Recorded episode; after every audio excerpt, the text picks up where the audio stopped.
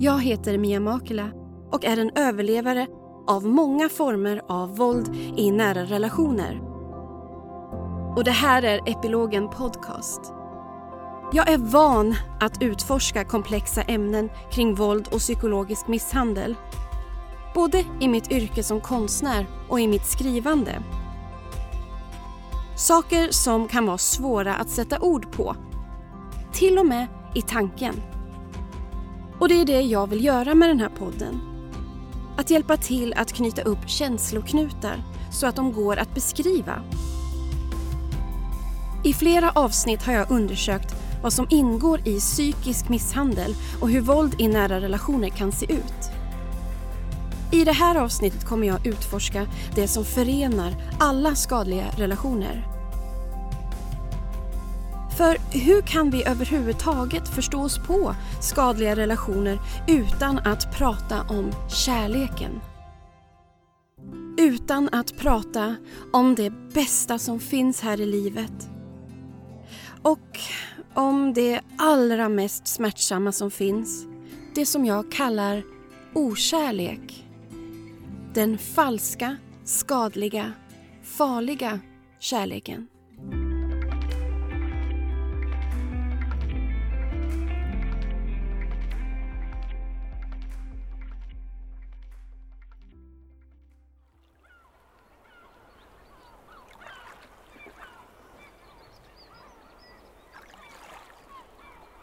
Jag står ensam på en kylig strand och lyssnar på havet. Vågorna rullar in och ut ur mitt hjärta i ett ständigt flöde.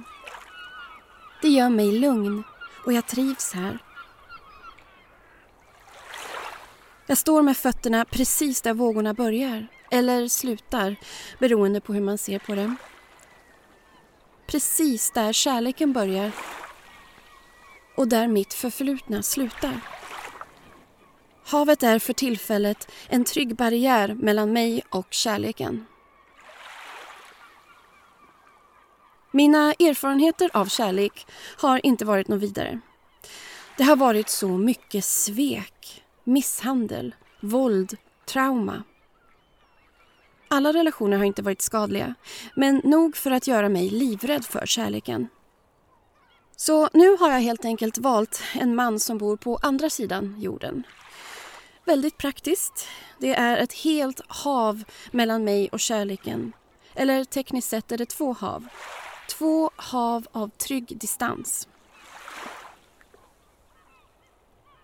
I fem år har vi haft ett långdistansförhållande. Jag bor på östkusten här i Sverige och han på västkusten i USA. Vi kan kalla honom Jay. Det har varit svårt för mig att våga lita på kärleken igen.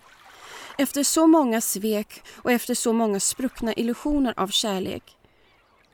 Hur ska jag börja våga ta emot kärlek igen utan att vara rädd för att den ska krossas av nya svek och av våld, förnedring och ett utsuddande av min identitet och min själ? Trots att jag har försökt stöta bort honom ett antal gånger i ren panik har han alltid stått stadigt vid min sida med sitt ihärdiga tålamod.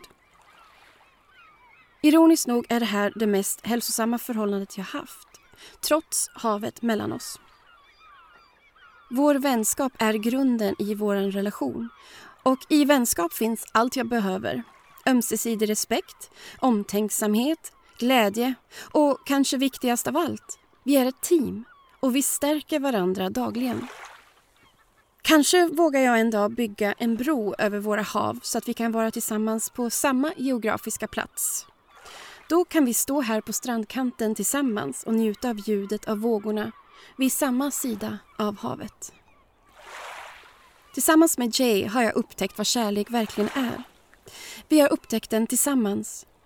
Mycket genom att definiera vad kärlek inte är vad vi har trott att kärlek är och bör vara och vad vi har förstått att den kan vara istället för att matcha de föreställningar vi haft med oss genom livet och som på olika sätt varit skadliga för oss båda. Vi pratar varje kväll på telefon. Jag ringer upp Jay för en snabb fråga om hur han ser på att jag har varit så rädd för hans kärlek.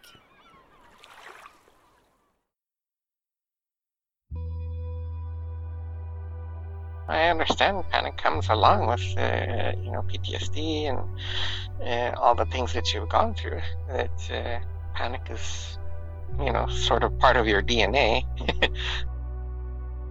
you get hypersensitive to words, uh, to actions, to signs, to, to details. Uh, you try to read the situation or read the response because you're in defense mode, and then you're reading, you're putting the those re- responses and connecting them uh, to make something to be defensive against.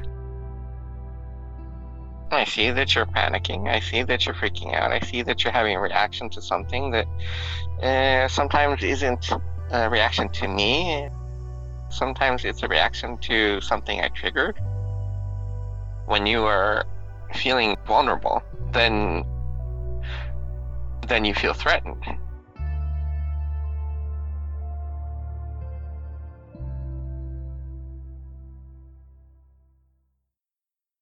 Kärlek börjar alltid med bråk.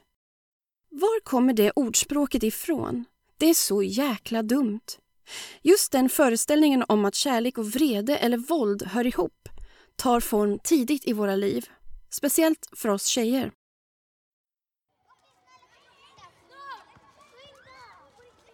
Vi befinner oss på en skolgård.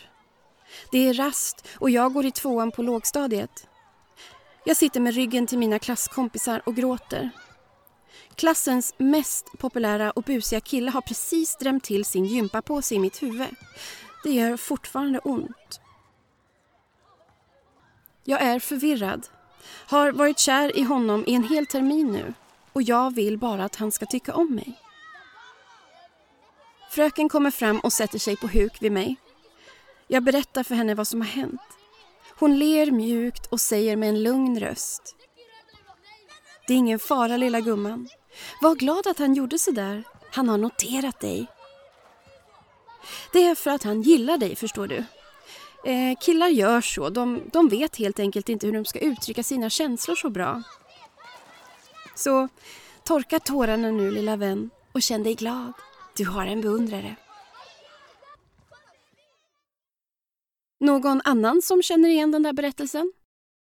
Detta är kanske ett första möte med de djupt ingrodda kvinnofientliga idéerna som vårt patriarkala samhälle dagligen matar oss med i en ständig ström av dold hjärntvätt och kvinnohat. För det är ju männen man åsyftar på som bråkar och kvinnorna som upplever det som kärlek. I tonåren blir detta ännu mer tydligt. Om ni minns förra avsnittet så avslutade jag med att citera en Carola-låt. Och nu kommer jag göra det igen. Denna gång är det några rader ur Tommy tycker om mig skriven av Lasse Holm och Ingela Pling Forsman som passar in i sammanhanget. De här raderna illustrerar ett farligt men sockersött självbedrägeri om vilken slags kärlek tjejer tror att de förtjänar. Lyssna här. Tommy tycker om mig och jag vet att det är sant. Det finns ingen annan som får mig att känna likadant. Tommy tycker om mig och fastän han är nonchalant är han den jag gillar och han känner likadant. Det är sant. Kvinnors och tjejers inlärda idé om hur män uppvisar kärlek ligger redan inlindat i patriarkala mönster från barndomen. Först slaget med gympapåsen som uttryck för kärlek. Sen den kyliga nonchalansen som ett uttryck för kärlek. Tonårstjejen intalar sig att han känner likadant som hon trots att han behandlar henne med nonchalans. I och med hans arrogans tvingas hon ständigt jaga hans godkännande och värme. Hon intalar ju sig att han känner likadant som hon. Därför kommer hon inte heller sluta jaga hans kärlek. Detta är faktiskt skadligt. En början av mönstret för det som kallas våldscykeln där fina, lugna perioder av kärlek varvas med destruktiva, våldsamma och aggressiva perioder av förnedring, förödmjukelser och misshandel. Eller det som jag brukar kalla för missbehandel. Jag tycker missbehandel är ett bättre ord för det vi kallar misshandel. För förövaren handlar inte bara fel i enstaka situationer utan behandlar offret felaktigt och skadligt under en längre period. Ja, kanske till och med under en hel livstid. Det kanske känns fånigt att börja kalla misshandel för missbehandel men det är värt att i alla fall testa att använda det. Epilogen är en kreativ podd och här är vi fria att experimentera med nya ord och begrepp för att komma loss i tanken. Så att vi lättare kan frigöra oss från det vi upplever att vi sitter som in i bängen fast i. Det vill säga fast i gamla skadliga mönster.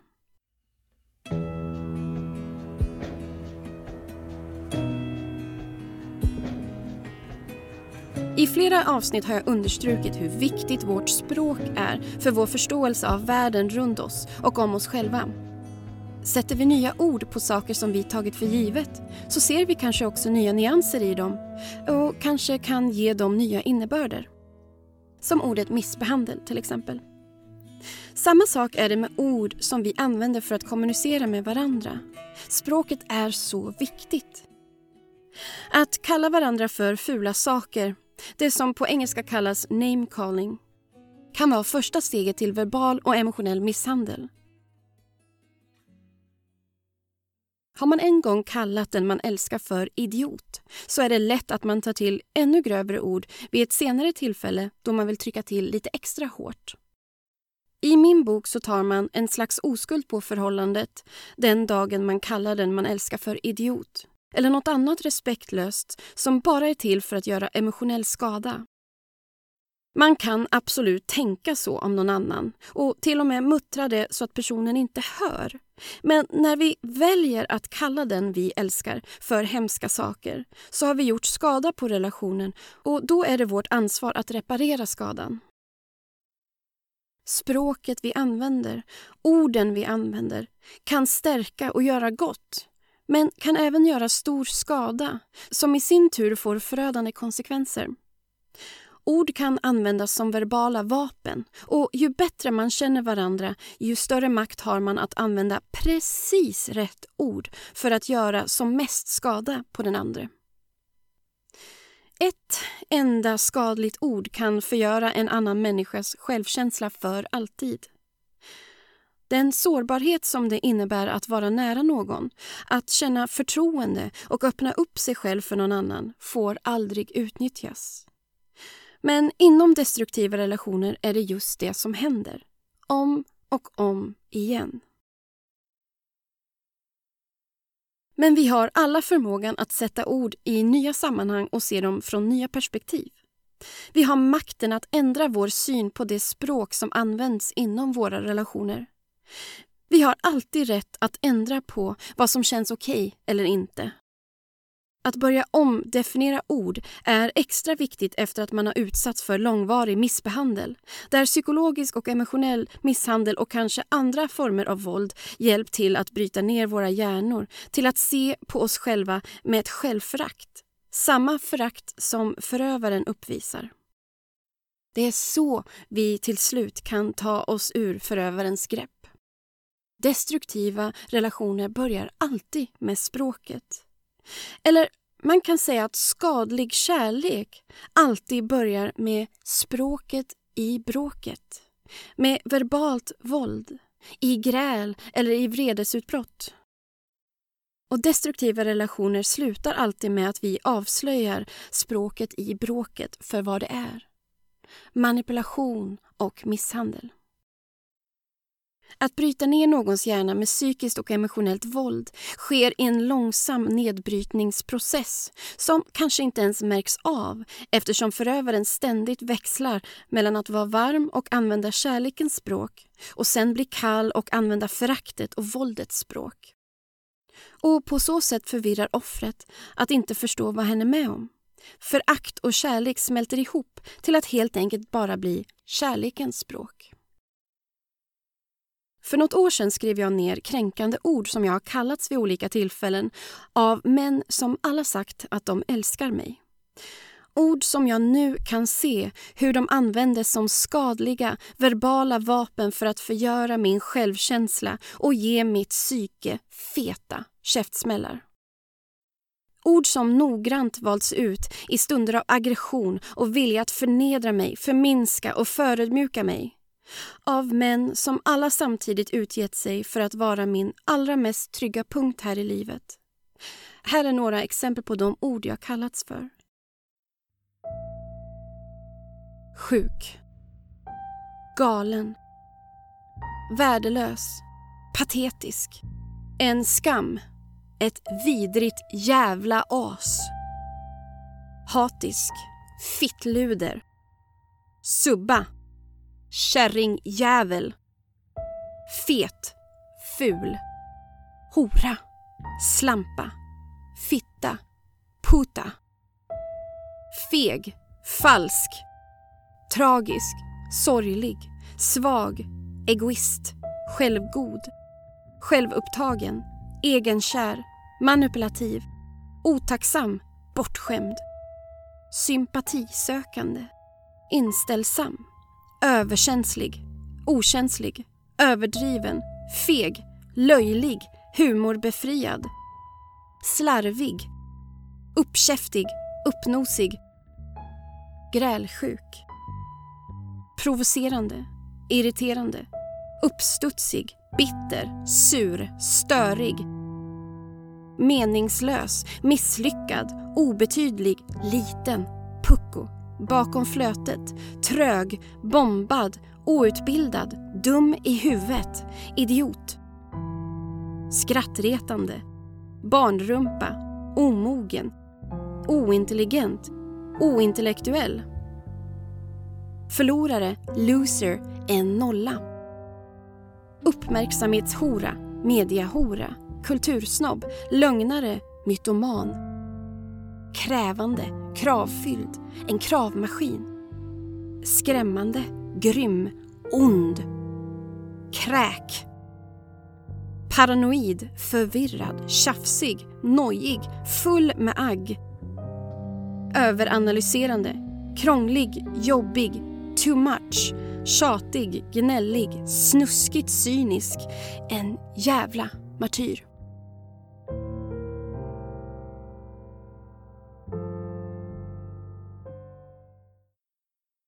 Jag kan nu i efterhand se att den kärlek som dessa män gav mig alltid kom i ett paket som även rymde förakt, förnedring och olika former av våld. Deras kärlek var alltså skadlig för mig och för vår relation. Eller kan man ens kalla det för kärlek? Kan kärlek verkligen vara skadlig? Eller är det då något annat än kärlek? Och i sånt fall, vad? Och varför tolererar man egentligen att befinna sig i en relation där kärleken är skadlig och där orden kan göra så in i helvete ont?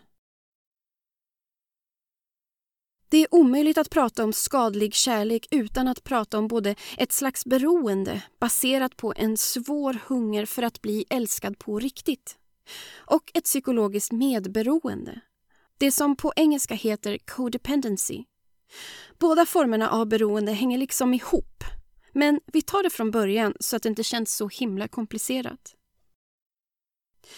Psykologen, författaren och föreläsaren Dr. Ross Rosenberg har en jättebra Youtube-kanal. Han pratar utifrån offrets perspektiv och har myntat begreppet SLDD, en förkortning på Self-Love Deficit Disorder. På svenska översätts detta med att offret lider av självkärleksbrist som härstammar från en barndom utan villkorslös kärlek. Istället har offret fått en villkorad kärlek från en eller bägge föräldrar.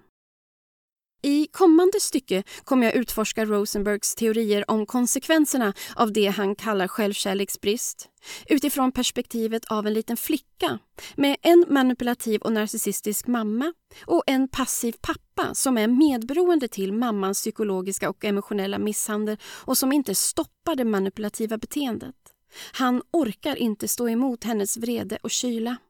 Därför blir mammans vilja på så sätt också pappans vilja. Här är det bra att påminna dig som lyssnar om att det självklart går att byta ut rollerna här mot det som passar just din situation. Flickan får tidigt som barn lära sig att hon existerar för att vara där för sin mamma. Att hon existerar för henne och endast på föräldrarnas villkor, vilket egentligen är endast mammans villkor. Flickan får föräldrarnas kärlek när hon får dem att känna sig bra och duktiga. På så sätt blir hon en förlängning av den manipulativa föräldern och stärker mammans upplåsta uppfattning om sig själv och sin perfektion. Hon är på så sätt en gåva för sin mamma. En docka att klä och grooma precis som hon själv önskar. En undersåte att styra precis som hon vill så att hon kan spegla sig i dottern och göra henne till en reflektion av sig själv inför andra. Om dottern är en perfekt reflektion av mamman anser hon att det är ett bevis på att hon själv är perfekt. Därför får flickan inte avvika från sin mammas villkor och förväntningar. Om hon avviker så bryter hon det oskrivna kontraktet om varför hon ens existerar och villkoren för att få sina föräldrars kärlek. Dessa förväntningar och villkor har funnits där sedan innan hon ens var född och har egentligen ingenting med henne som individ att göra. Föräldrarna ser inte att barnet är en gåva bara genom att vara just den hon är. När barnet får sin manipulativa förälder att känna sig bra och duktig får hon kärlek, avgudan, beundran och känslomässigt stöd. Det vill säga allt som ett barn vill ha och behöver. Allt som ett barn ska få. Men när barnet inte agerar, ser ut eller beter sig som föräldern vill och önskar straffas hon med olika former av känslomässigt och psykologiskt våld. Som att bli ignorerad, med tystnad och kyla eller med vredesutbrott eller andra former av missbehandel och våld. Då öppnar sig en avgrund för flickan av otrygghet, rädsla och den allra djupaste känslan av övergivenhet och ensamhet. Detta är extremt smärtsamt, skrämmande och skadligt för barnet. Så hon gör allt i sin makt för att anpassa sig till att behaga sin manipulativa förälder. Hon anpassar sin identitet och sitt beteende för att leva upp till de krav och förväntningar hon har på sig. Så hon får ta del av mamman och pappans belöningar i form av värme, kärlek, inkludering och trygghet. Barnet förtränger dock bort sina egna behov, sin egen identitet och sin egen vilja. Det blir naturligt för flickan att uppoffra sin egen röst och endast vara till för att behaga sina föräldrar och sen även andra. Det blir även naturligt för flickan att hon tvingas spela dummare än hon är för att mamman ska få känna sig smartare och att hon gör sig mindre talangfull och modig än hon är att hon helt enkelt försvagar sig själv för att inte vara ett hot mot mammans inbillade briljans. Men självklart finns det stunder då flickan reagerar på ett oönskat sätt eller där hon inte möter föräldrarnas förväntningar. Då försvinner föräldrarnas kärlek, värme, inkludering och trygghet som om det aldrig hade funnits där. Hon faller då ner i avgrunden av övergivenhet och ensamhet. Föräldrarna känner avsky inför barnets svek av att inte spela efter de oskrivna kontraktet av villkor. Mamman kan då inte spegla sig i barnet som nu är fel och dålig enligt henne. Det reflekterar bara att hon själv måste vara felaktig och dålig som mamma. Och inget gör så ont för mamman som att inte få se ut att vara perfekt och felfri. Barnet måste snabbt lära sig att aldrig göra om det, så hon måste läxa upp barnet, tycker hon, med sin kyla eller med sin vrede. Hon ser det inte som hon straffar barnet för att ha en egen röst och för att uttrycka sin egen vilja, utan att hon måste vägleda barnet med hårdare tag. Denna villkorade kärlek som ständigt pendlar mellan belöning och straff är inte hälsosam. Det är faktiskt en så kallad traumabindning. Att ständigt jaga kärleken hos den som också förnedrar och förödmjukar en. För den finns ju där, ibland. Att jaga kärleken som ibland finns där blir dotterns beroende. Precis som när en missbrukare jagar ett fix och struntar i de skadliga konsekvenserna. Det är den villkorade kärleken med att anpassa sitt beteende och tränga bort sin äkta identitet i kombination med traumabindningen som gör att flickan kommer att acceptera att bli missbehandlad i långvariga destruktiva relationer som vuxen kvinna.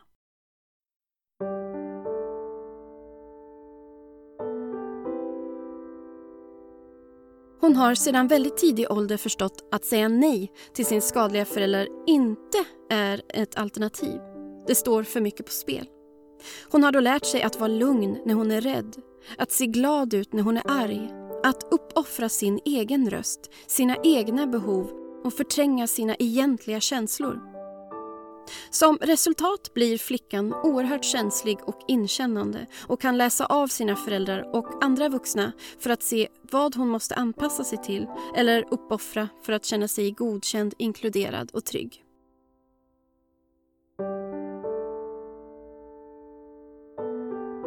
Hon blir en bra lyssnare, hon blir bra på att ta på sig andras känslomässiga ansvar och att förlåta och gå vidare. Hon blir även bekväm kring självcentrerade människor för det känns bekant och familjärt. Flickan har fått lära sig att tycka att det är själviskt om hon själv skulle använda sin egen röst och hon vet att hon då kommer bli straffad, eller ännu värre, övergiven och ensam. Hon har därmed lärt sig att vara medberoende till andras förväntningar på vem hon måste vara för att förtjäna att bli älskad. I've been known to be impatient. I've been known to be wrong. I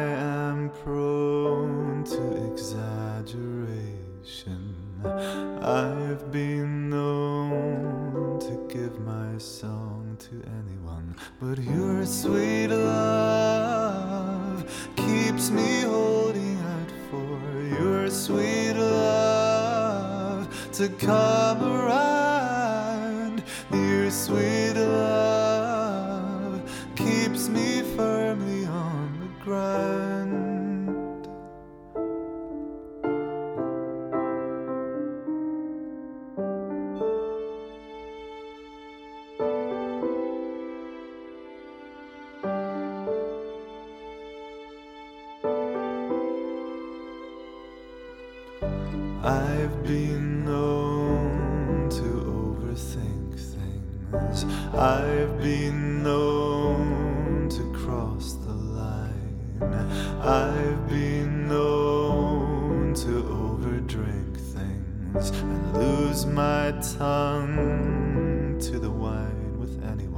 But you're sweet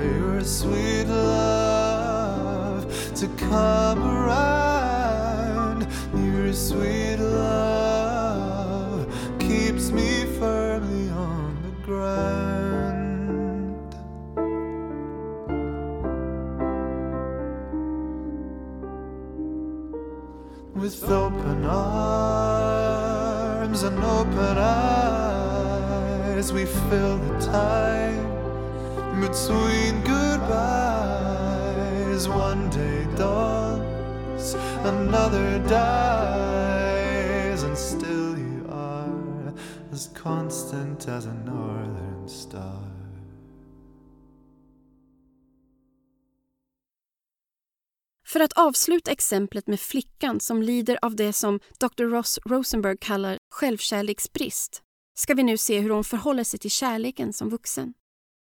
Hon har blivit en överdrivet givande person som dras till överdrivet tagande människor. Hon vill ge av sig själv för att få kärlek som ett slags beroende av den där fixen hon alltid jagat. Hon dras till människor och män som endast vill ta från henne utan att ge tillbaka. Ofta till förövare och patologiska narcissister som saknar empati. Hon är van vid deras skadliga beteendemönster så det är ingenting hon upplever som onormalt. Det ger henne faktiskt istället en falsk känsla av trygghet eftersom det påminner henne om barndomens mönster. Hon ser godheten i förövare och förvränger innebörden av lojalitet och tillgivenhet till att betyda att hon stannar med förövaren no matter what. När hon träffar en till en början charmig narcissist är deras inledande passion som en stormvind och hon blir snabbt fångad i hans grepp av att vilja kontrollera henne, isolera henne från omvärlden och göra henne till en förlängning av sig själv, precis som hennes mamma. Och vad passar inte att citera här om inte ännu en Carola-låt? Ni förstår säkert vilken jag talar om. Fångad av en stormvind från 1991 skriven av Stefan Berg. Jag är fångad av en stormvind, fast för dig. Ingenting kan hindra mig när det blåser i mitt hjärta. Fångad av en stormvind, natt och dag. Här finns bara du och jag. De är den perfekta mardrömsmatchningen och de blir bägge fastlåsta i en dödsdans av att hon får samma växlan av värme och kyla och traumabindning som hon hade som barn och som är så svår att ta sig ur. Om hon vaknar upp, får nog eller börjar gå i terapi då kommer hon inse att han älskar henne på samma sätt som han älskar sin bil. Han älskar inte bilen utan han älskar känslan av att äga en bil och att den är förutsägbar och gör exakt som han vill varje gång och tar honom exakt till den destinationen han önskar. Går bilen sönder och inte längre kan leva upp till hans förväntningar av vad en bil bör göra för hans bekvämlighet ser han bilen som värdelös, gör sig av med den och skaffar en ny. Nu tänker jag göra ett litet experiment för att verkligen visa hur fast vi kan vara i vår idé om hur kärlek bör se ut. För när jag tänker på den officiella definitionen av kärlek som de flesta kan relatera till tänker jag på det där lilla stycket från första Korintierbrevet nummer 13 som ofta citeras på bröllopsceremonier. Här är några rader som jag tror att de flesta känner igen. Kärleken är tålamodig och god. Kärleken är inte stridslysten, inte skrytsam och inte uppblåst. Den är inte utmanande, inte självisk, den brusar inte upp, den vill ingen något ont. Allt bär den, allt tror den, allt hoppas den, allt uthärdar den. För experimentets skull ska vi nu byta ut ordet kärleken och istället ersätta det med vårt eget namn. Vi låtsas nu att det är förövaren vi älskar när vi pratar om kärleken i detta stycke och att vi är kärleken, det vill säga den givande kraften i en relation där vår partner bara kräver och kräver och tar och tar ifrån oss. Vad händer då med budskapet i vår mest accepterade definition av kärleken? Låt oss utforska det nu genom att jag läser om samma stycke igen men byter ut ordet kärleken mot mitt namn, Mia. Fast du kan bara fylla i ditt eget namn i tanken. Mia är tålamodig och god. Mia är inte stridslysten, inte skrytsam och inte uppblåst.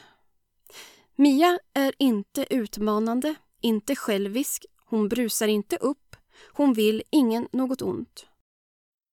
Allt bär hon, allt tror hon, allt hoppas hon, allt uthärdar hon. Det blir ett helt annat budskap nu, eller hur? Vi som överlevt destruktiva relationer och missbehandel känner att detta liksom ligger i vårt bakhuvud. Att vi ska agera så här för att visa eller bevisa vår kärlek. Vi bär allt ansvar på våra axlar. Vi hoppas på bättre tider och vi uthärdar det som ingen ska behöva uthärda utan att brusa upp eller vara utmanande eller stridslysten. Inget av detta gäller dock förövaren. De tänker inte så och vi ställer heller inte det kravet på dem. Det har vi också med oss i bagaget från barndomen. Vi ser det inte ens, för vi är så upptagna med att ge och ge och ge och ge och ge av oss själva och samtidigt bära all skuld och skam för den missbehandel vi utsätts för och samtidigt uthärda livet som förgiftats av den skadliga kärleken. Det låter väl mysigt, eller? Om ni minns början av det här avsnittet så nämnde jag ordet okärlek. Kanske anar ni vad jag menar med ordet okärlek nu. Okärlek är ännu ett kreativt och lekfullt ord vi kan testa att använda när vi tänker på kärlek som gör så jävla ont. Det är alltid bra att ställa frågor till sig själv för att kunna navigera i sina tankar när man känner sig osäker. Ställ dig gärna frågan Är det verkligen kärlek jag upplever eller är det något annat? Okärlek, kanske? Är jag i en kärleksfull relation eller i en okärleksrelation? Här kommer en liten checklista av tankar som kan vara bra att fundera på om man fortfarande är osäker på om det är kärlek eller okärlek man upplever. Om du känner att du inte kan eller får lov att vara dig själv i relationen, då är det inte kärlek. Om du känner dig rädd för hur den andra ska reagera för både stora och små saker, då är det inte kärlek. Om du känner att du inte kan eller får lov att stå upp för dig själv eller uttrycka det du tror på, vill, inte vill, känner eller inte känner, då är det inte kärlek. Om du upplever att du måste bära allt ansvar och i synnerhet allt känslomässigt ansvar för relationen och att du alltid får skulden för allt som går fel, då är det inte kärlek.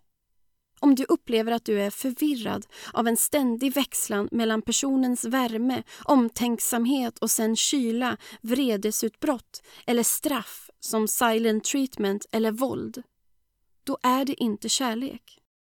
Om du upplever att du blir kontrollerad och inte får lov att sätta gränser, ha egna relationer med andra eller inte får lov att ha någon integritet, då är det inte kärlek.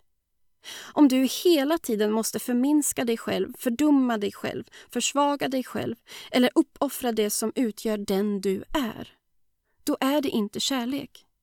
Om du upplever att du inte får lov att ifrågasätta den andres beteende utan att det direkt vänds mot dig med en ”amen du då” attityd och att alla diskussioner av din kritik tystas ner, ignoreras eller möts med skuldbeläggande, då är det inte kärlek. Och slutligen och absolut viktigast. Om du inte mår bra av relationen och om någon medvetet eller omedvetet skadar dig, skrämmer dig, förnedrar dig eller hindrar dig att lämna relationen genom att vara hotfull eller ge dåligt samvete, då är det inte kärlek. Love hurts, säger man. Men kärlek ska inte göra ont. Det är den falska kärleken som gör så in i helvete ont. Den smärtsamma okärleken. Så nu när vi har utforskat vad okärlek är och definierat vad kärlek inte är, vad är då egentligen kärlek?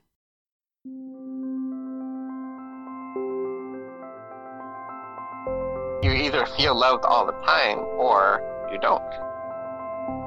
That, that's pretty much it. Like, if you feel loved sometimes and sometimes you don't, then you don't feel loved. There is no in between with that.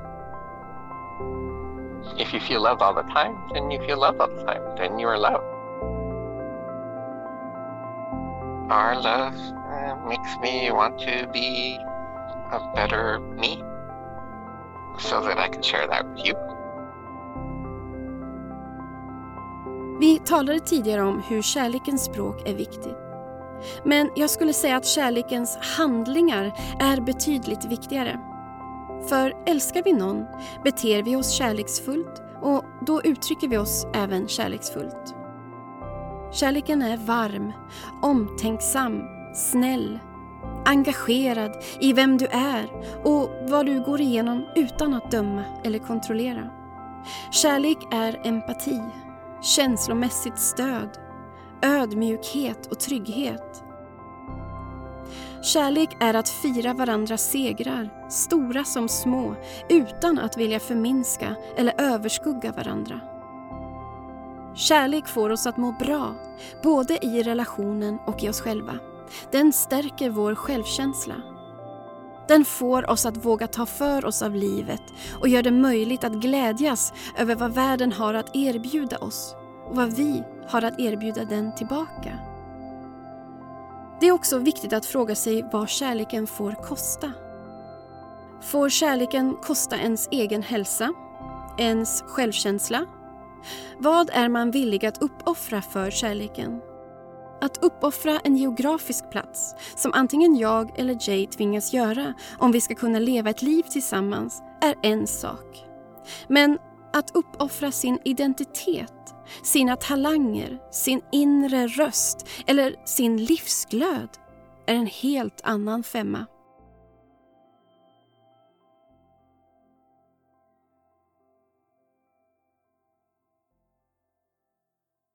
Ju mer vi fyller på med självkärlek och ju mindre självkärleksbrist vi har, desto mer immuna blir vi inför okärlek och missbehandel.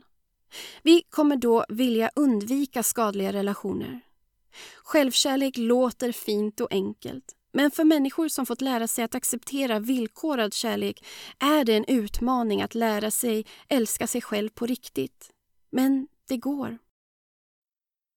Första steget är att erkänna för sig själv att man inte mår bra av relationen och att man måste ta sig ur den för att kunna må bättre. Och att våga välja ensamheten framför skadlig kärlek. Ensamhet är inte så hemskt som man kan tro.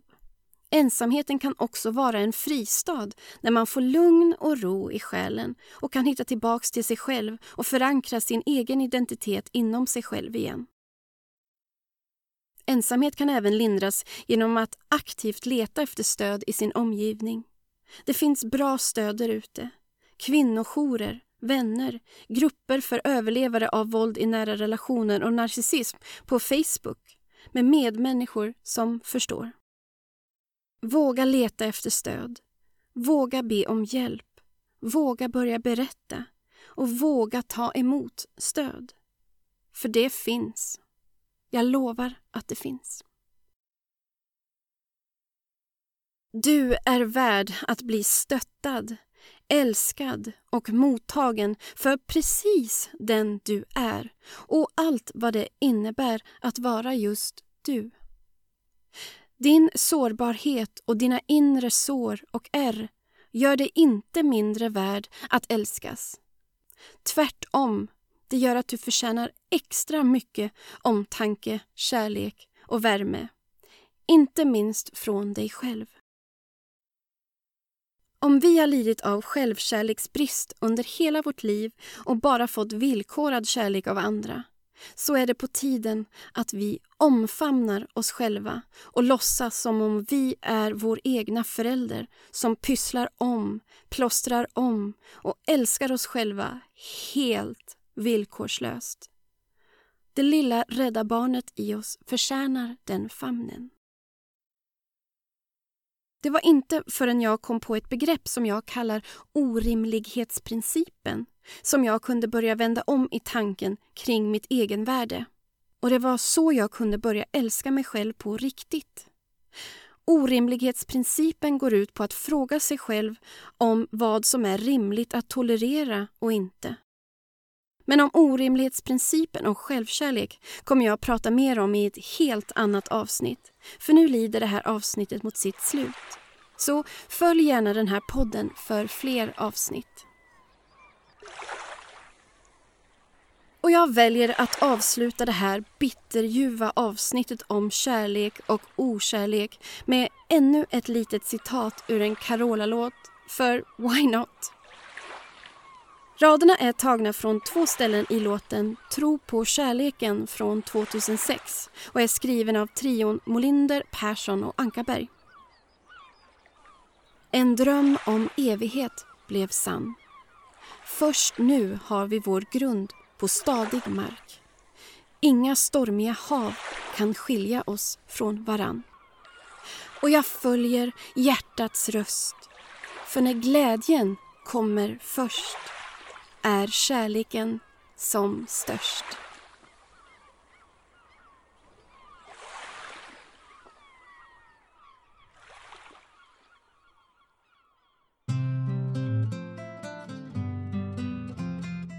Jag heter Mia Makila och det här är Epilogen Podcast. Tusen tack till dig som lyssnat. Tack till min älskade Jay. Dela gärna den här podden för att fortsätta sprida kunskap om den skadliga okärleken. Epilogen Podcast finns både på Facebook och på Instagram. Där kan du få en liten heads-up när ett nytt avsnitt är på G. Om du vill dela med dig av din berättelse i podden, din epilog, i skriven form eller i röstfil, eller bara ge lite feedback, mejla på epilogenpodcast.gmail.com Musiken i avsnittet är poddsäker. Mer info om vilka låtar finns i avsnittsbeskrivningen. Ta hand om dig.